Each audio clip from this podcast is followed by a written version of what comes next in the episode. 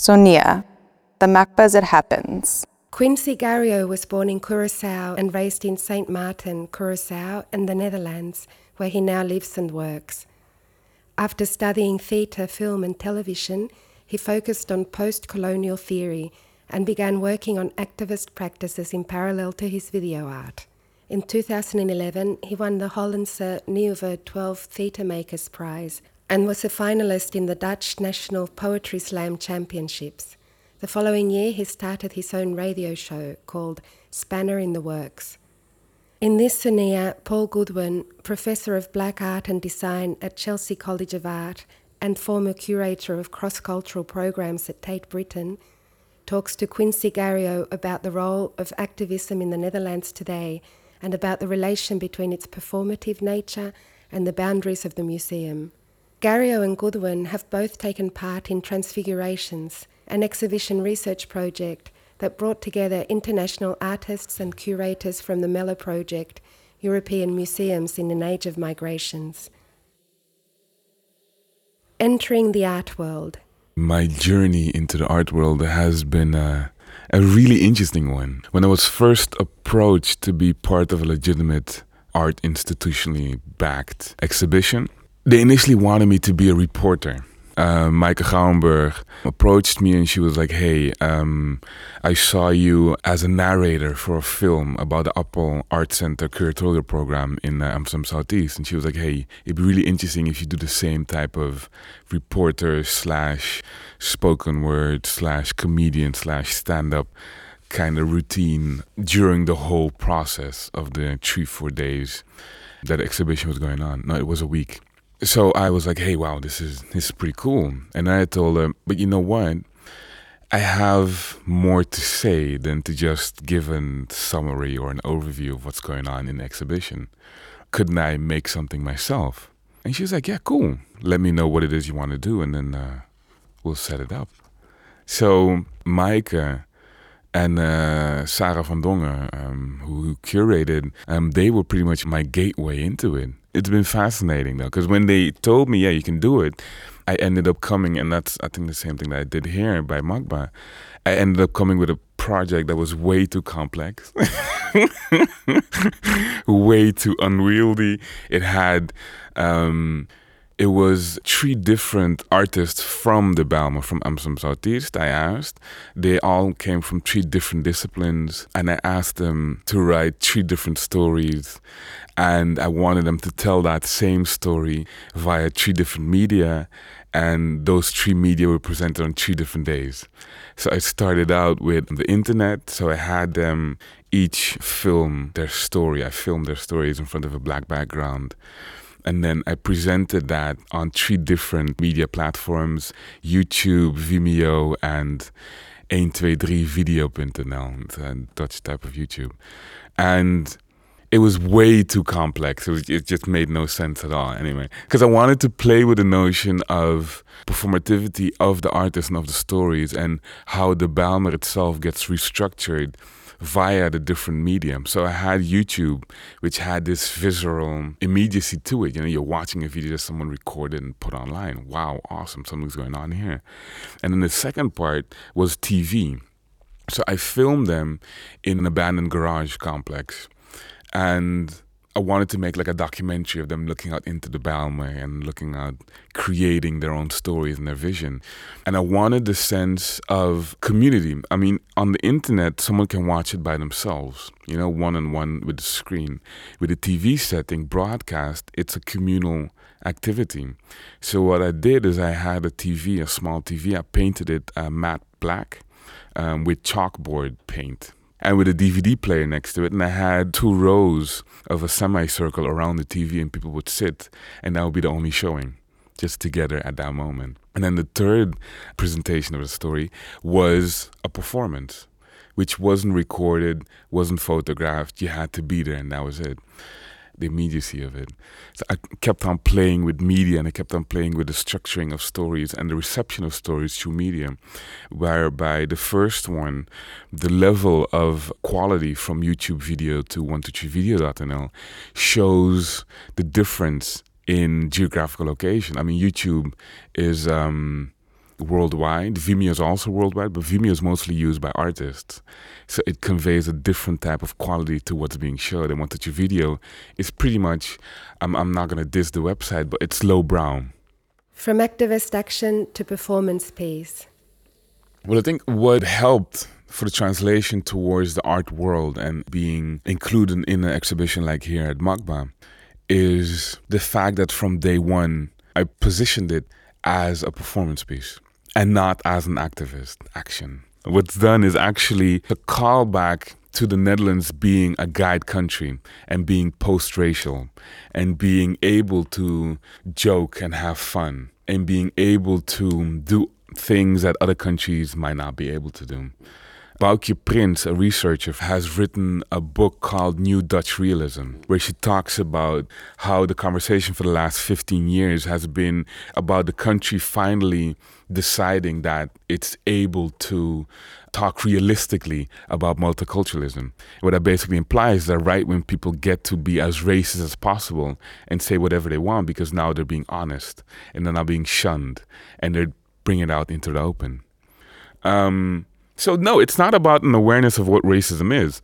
It's an awareness about who can define racism and who can define what is culturally appropriate or not. The origins of Zwarte Piet is racism. This is an embodiment of a political statement. And what has been done in the Netherlands up until that point is that the word race and racism never was connected to the figure Zwarte Piet in discussions. Um, some of the people who I had conversations with around the figure also told me, and who actually was like, yeah, dude, we need to do something about it, actually told me that the message was too strong, too aggressive, too abrasive. Pretty much got my mind working. Like, hey, wait. So if it becomes an aspect of embodying a political theory and visualizing it, I can do something with it. So at a certain point, I talked to, um, I got in contact with a whole bunch of people and I was like, you know what? I want to give you guys a shirt as well. And people started approaching me like, dude, I want a shirt. How do I get a shirt? Now, one of the interesting things was at first people told me you should get like Nike or Adidas or Reebok to, you know, push this. So I sent emails to all of them. I sent emails to their headquarters or to their offices in the country. I got not even an email back saying don't bother. It's just silence. And then I was like, okay, so how am I going to make this sustainable? Because what happens with a lot of anti racism work in the country itself, it's funded by the government. So the government decides what exactly is pushed and pursued or not. You need to keep this going. And there as well, what got me is that the being able to make the t shirt for the friend of mine told me that she was willing to pay for it and she was like, you know what, I can I can give you some money so you can keep this going. And there as well, this community aspect, community organizing came into it. Because people realized, hey, it's not being funded. This is just him doing it by himself. So we need to support. So at a certain point, it was a, um, I was part of a writing group called Simia Literario literary seed, Papiamento language based um, writing group. And they were like, dude, um, we want to support you. We have a stand on the 1st of July, the commemoration of abolition of slavery in Oosterpark in Amsterdam. Would you want to come and stand by us? I was like, yeah.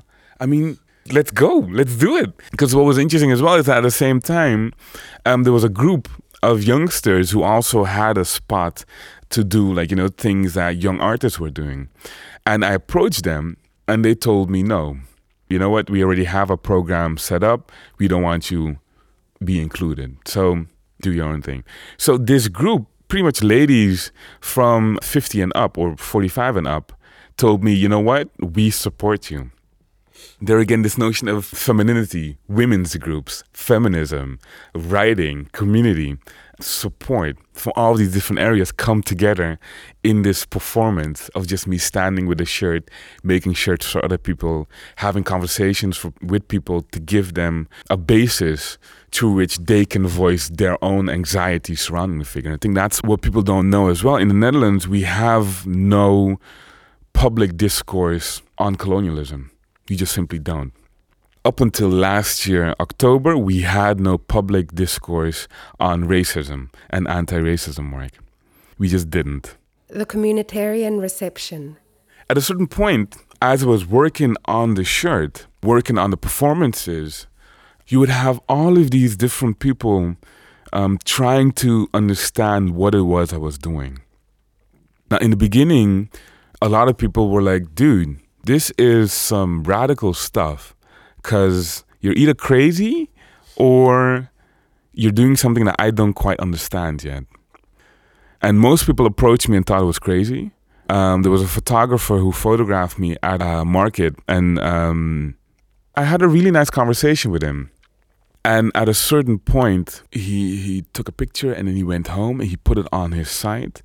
And then he wrote, This is Quinsy Gario, an artist from Amsterdam, a filmmaker, TV maker, who, ironically enough, when looking at his own appearance, has been making t shirts saying Black Pete is racism. So he made an explicit connection between my own skin color and Black Pete, calling me Black Pete in essence.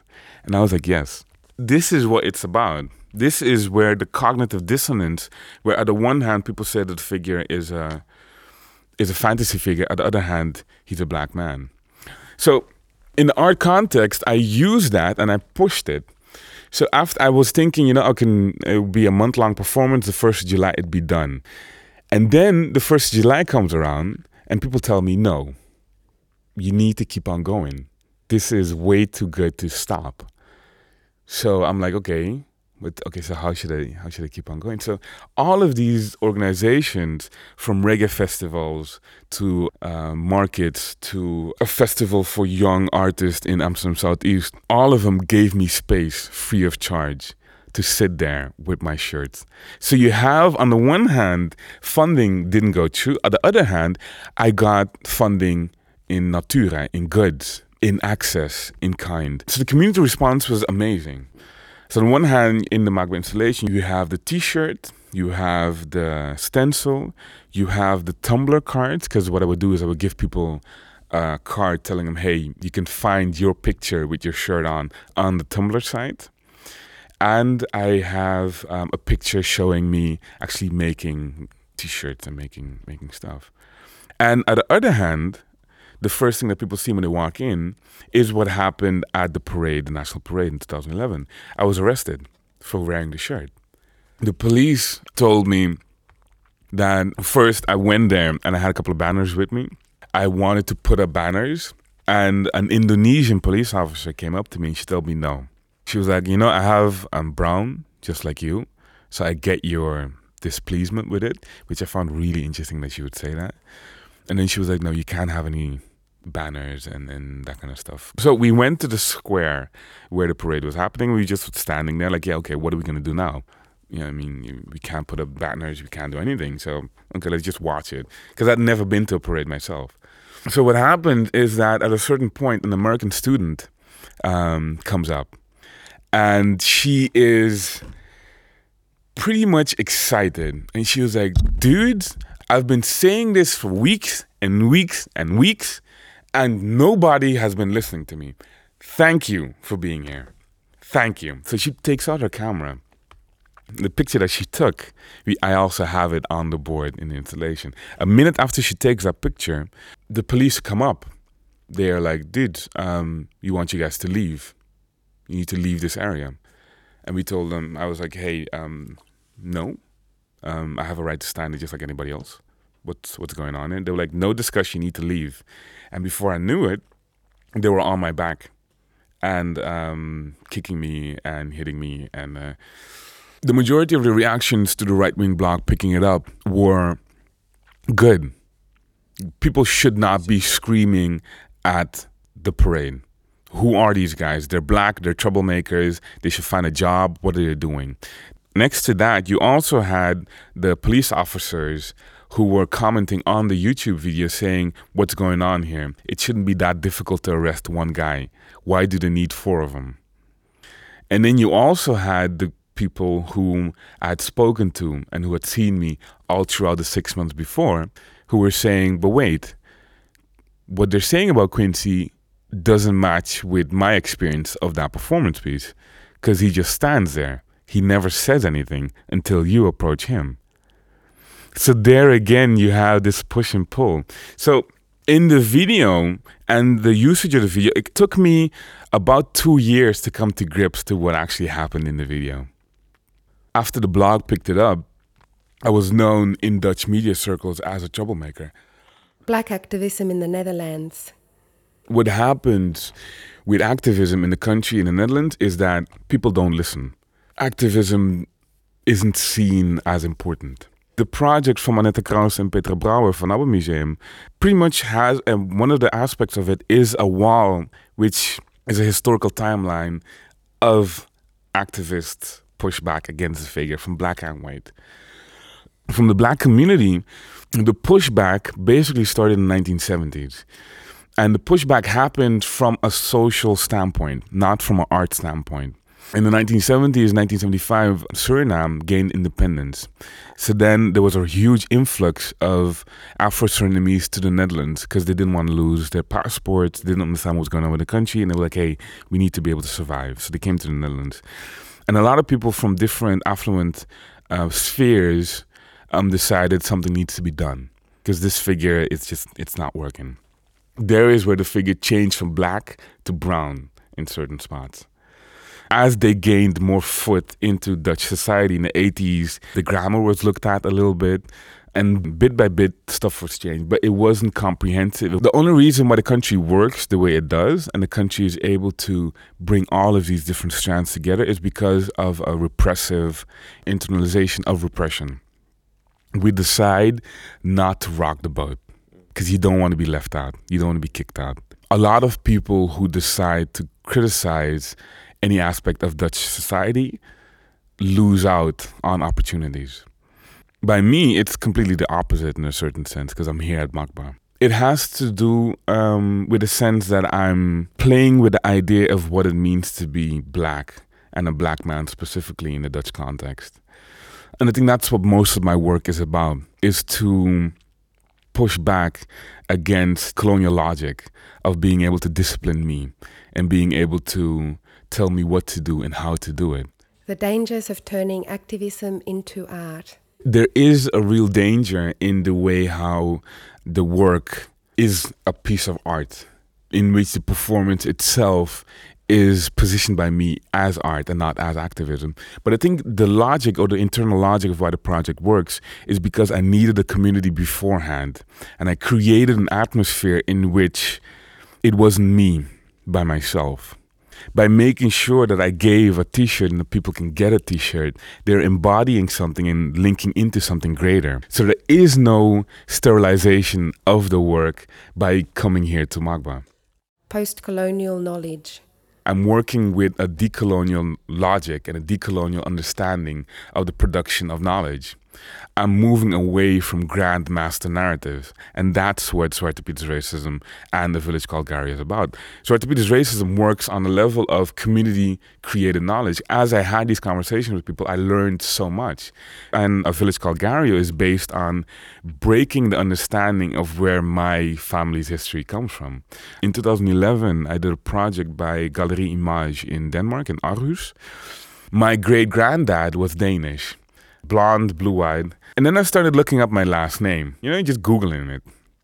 And on a website which used CIA data, which I found pretty fascinating, it had a spot in the Central Republic of Africa called Gario. And I was like, what? What, what is this? How is this possible? How does my name end up in the Central Republic of Africa as the name of a place? So I wanted to understand how does my last name end up in St. Croix, end up in St. Martin, end up in Aruba. So pretty much it's breaking with what the history books tell me about where I come from and creating a new path.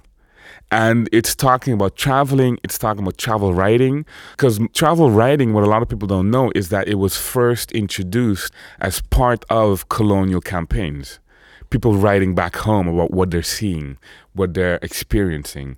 So in the performance in a village called Gario, what I push against is the fact that my history has already been written for me.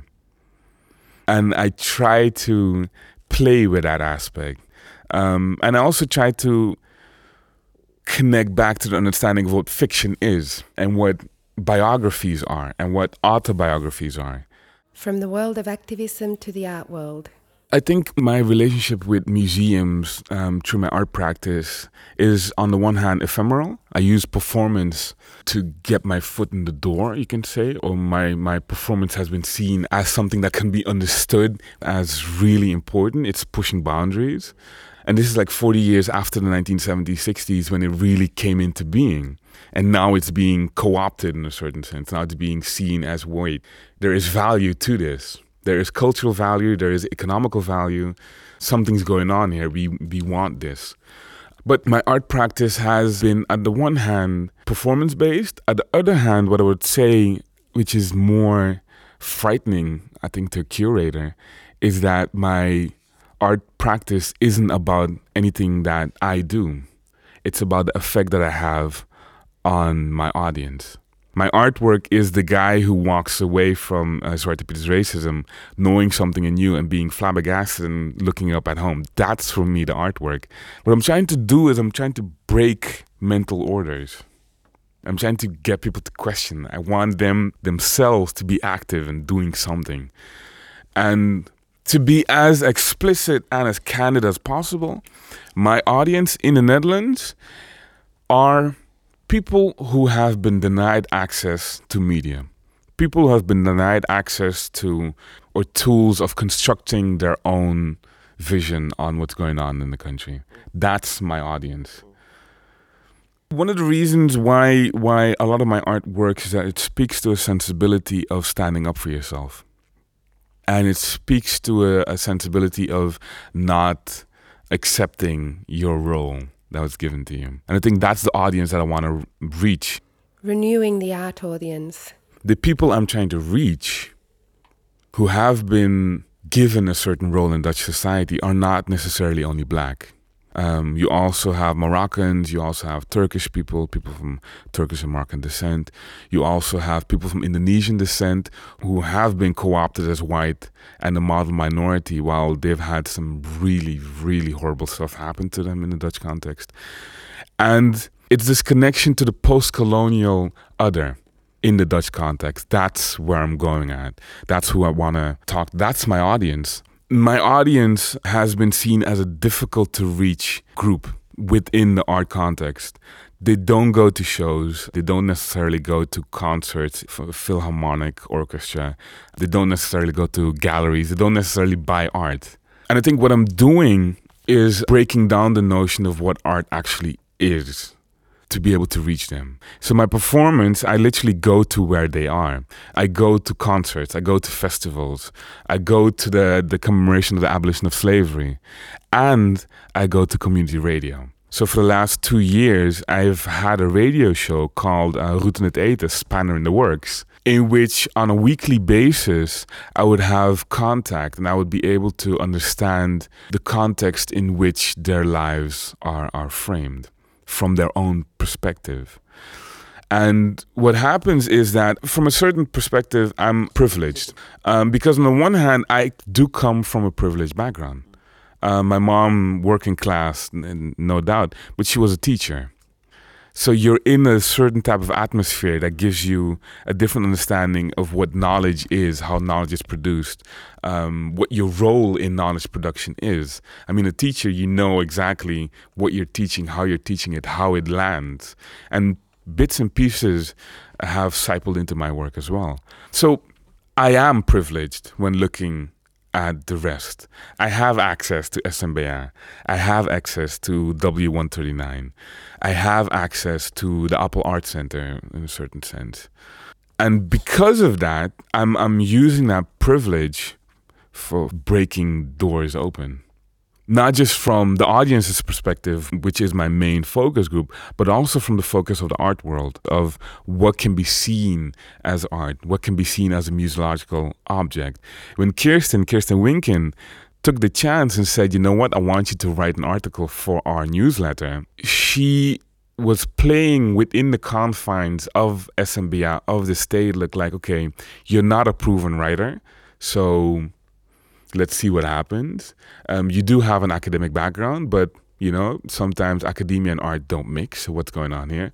And um, you're seen as a troublemaker. So let's see what type of trouble you're going to do here. The relevance of political engagement. I think there's a high engagement with post colonial theory, decolonial theory, decolonial thinking, understanding of the role of the colonial logic within the collection history of the stedelijk, within the curatorial practice of the stedelijk. And I think I need to give my hats off to them because they're pushing it into an organization that isn't really known for tackling these topics. Most of the black artists, on the one hand, they're seen as black artists who push against, but at the same time, most of them don't want to be seen as black artists. So there's a connection made between their ethnicity and their, their skin color, which they themselves sometimes make and sometimes they don't. And I think that's also one of the really interesting things about what's going to happen with How Far, How Near, is that an understanding will be made of how have the curators been looking at these works by these artists. Is this black art? Is this art? Is this art by black artists? Is this uh, black artistic practice? What is this? What's going on? I think I'm a new kid on the block. Is black art still relevant to current society? Without a doubt. There needs to be this engagement. There needs to be this understanding. Yeah. Macba.cat.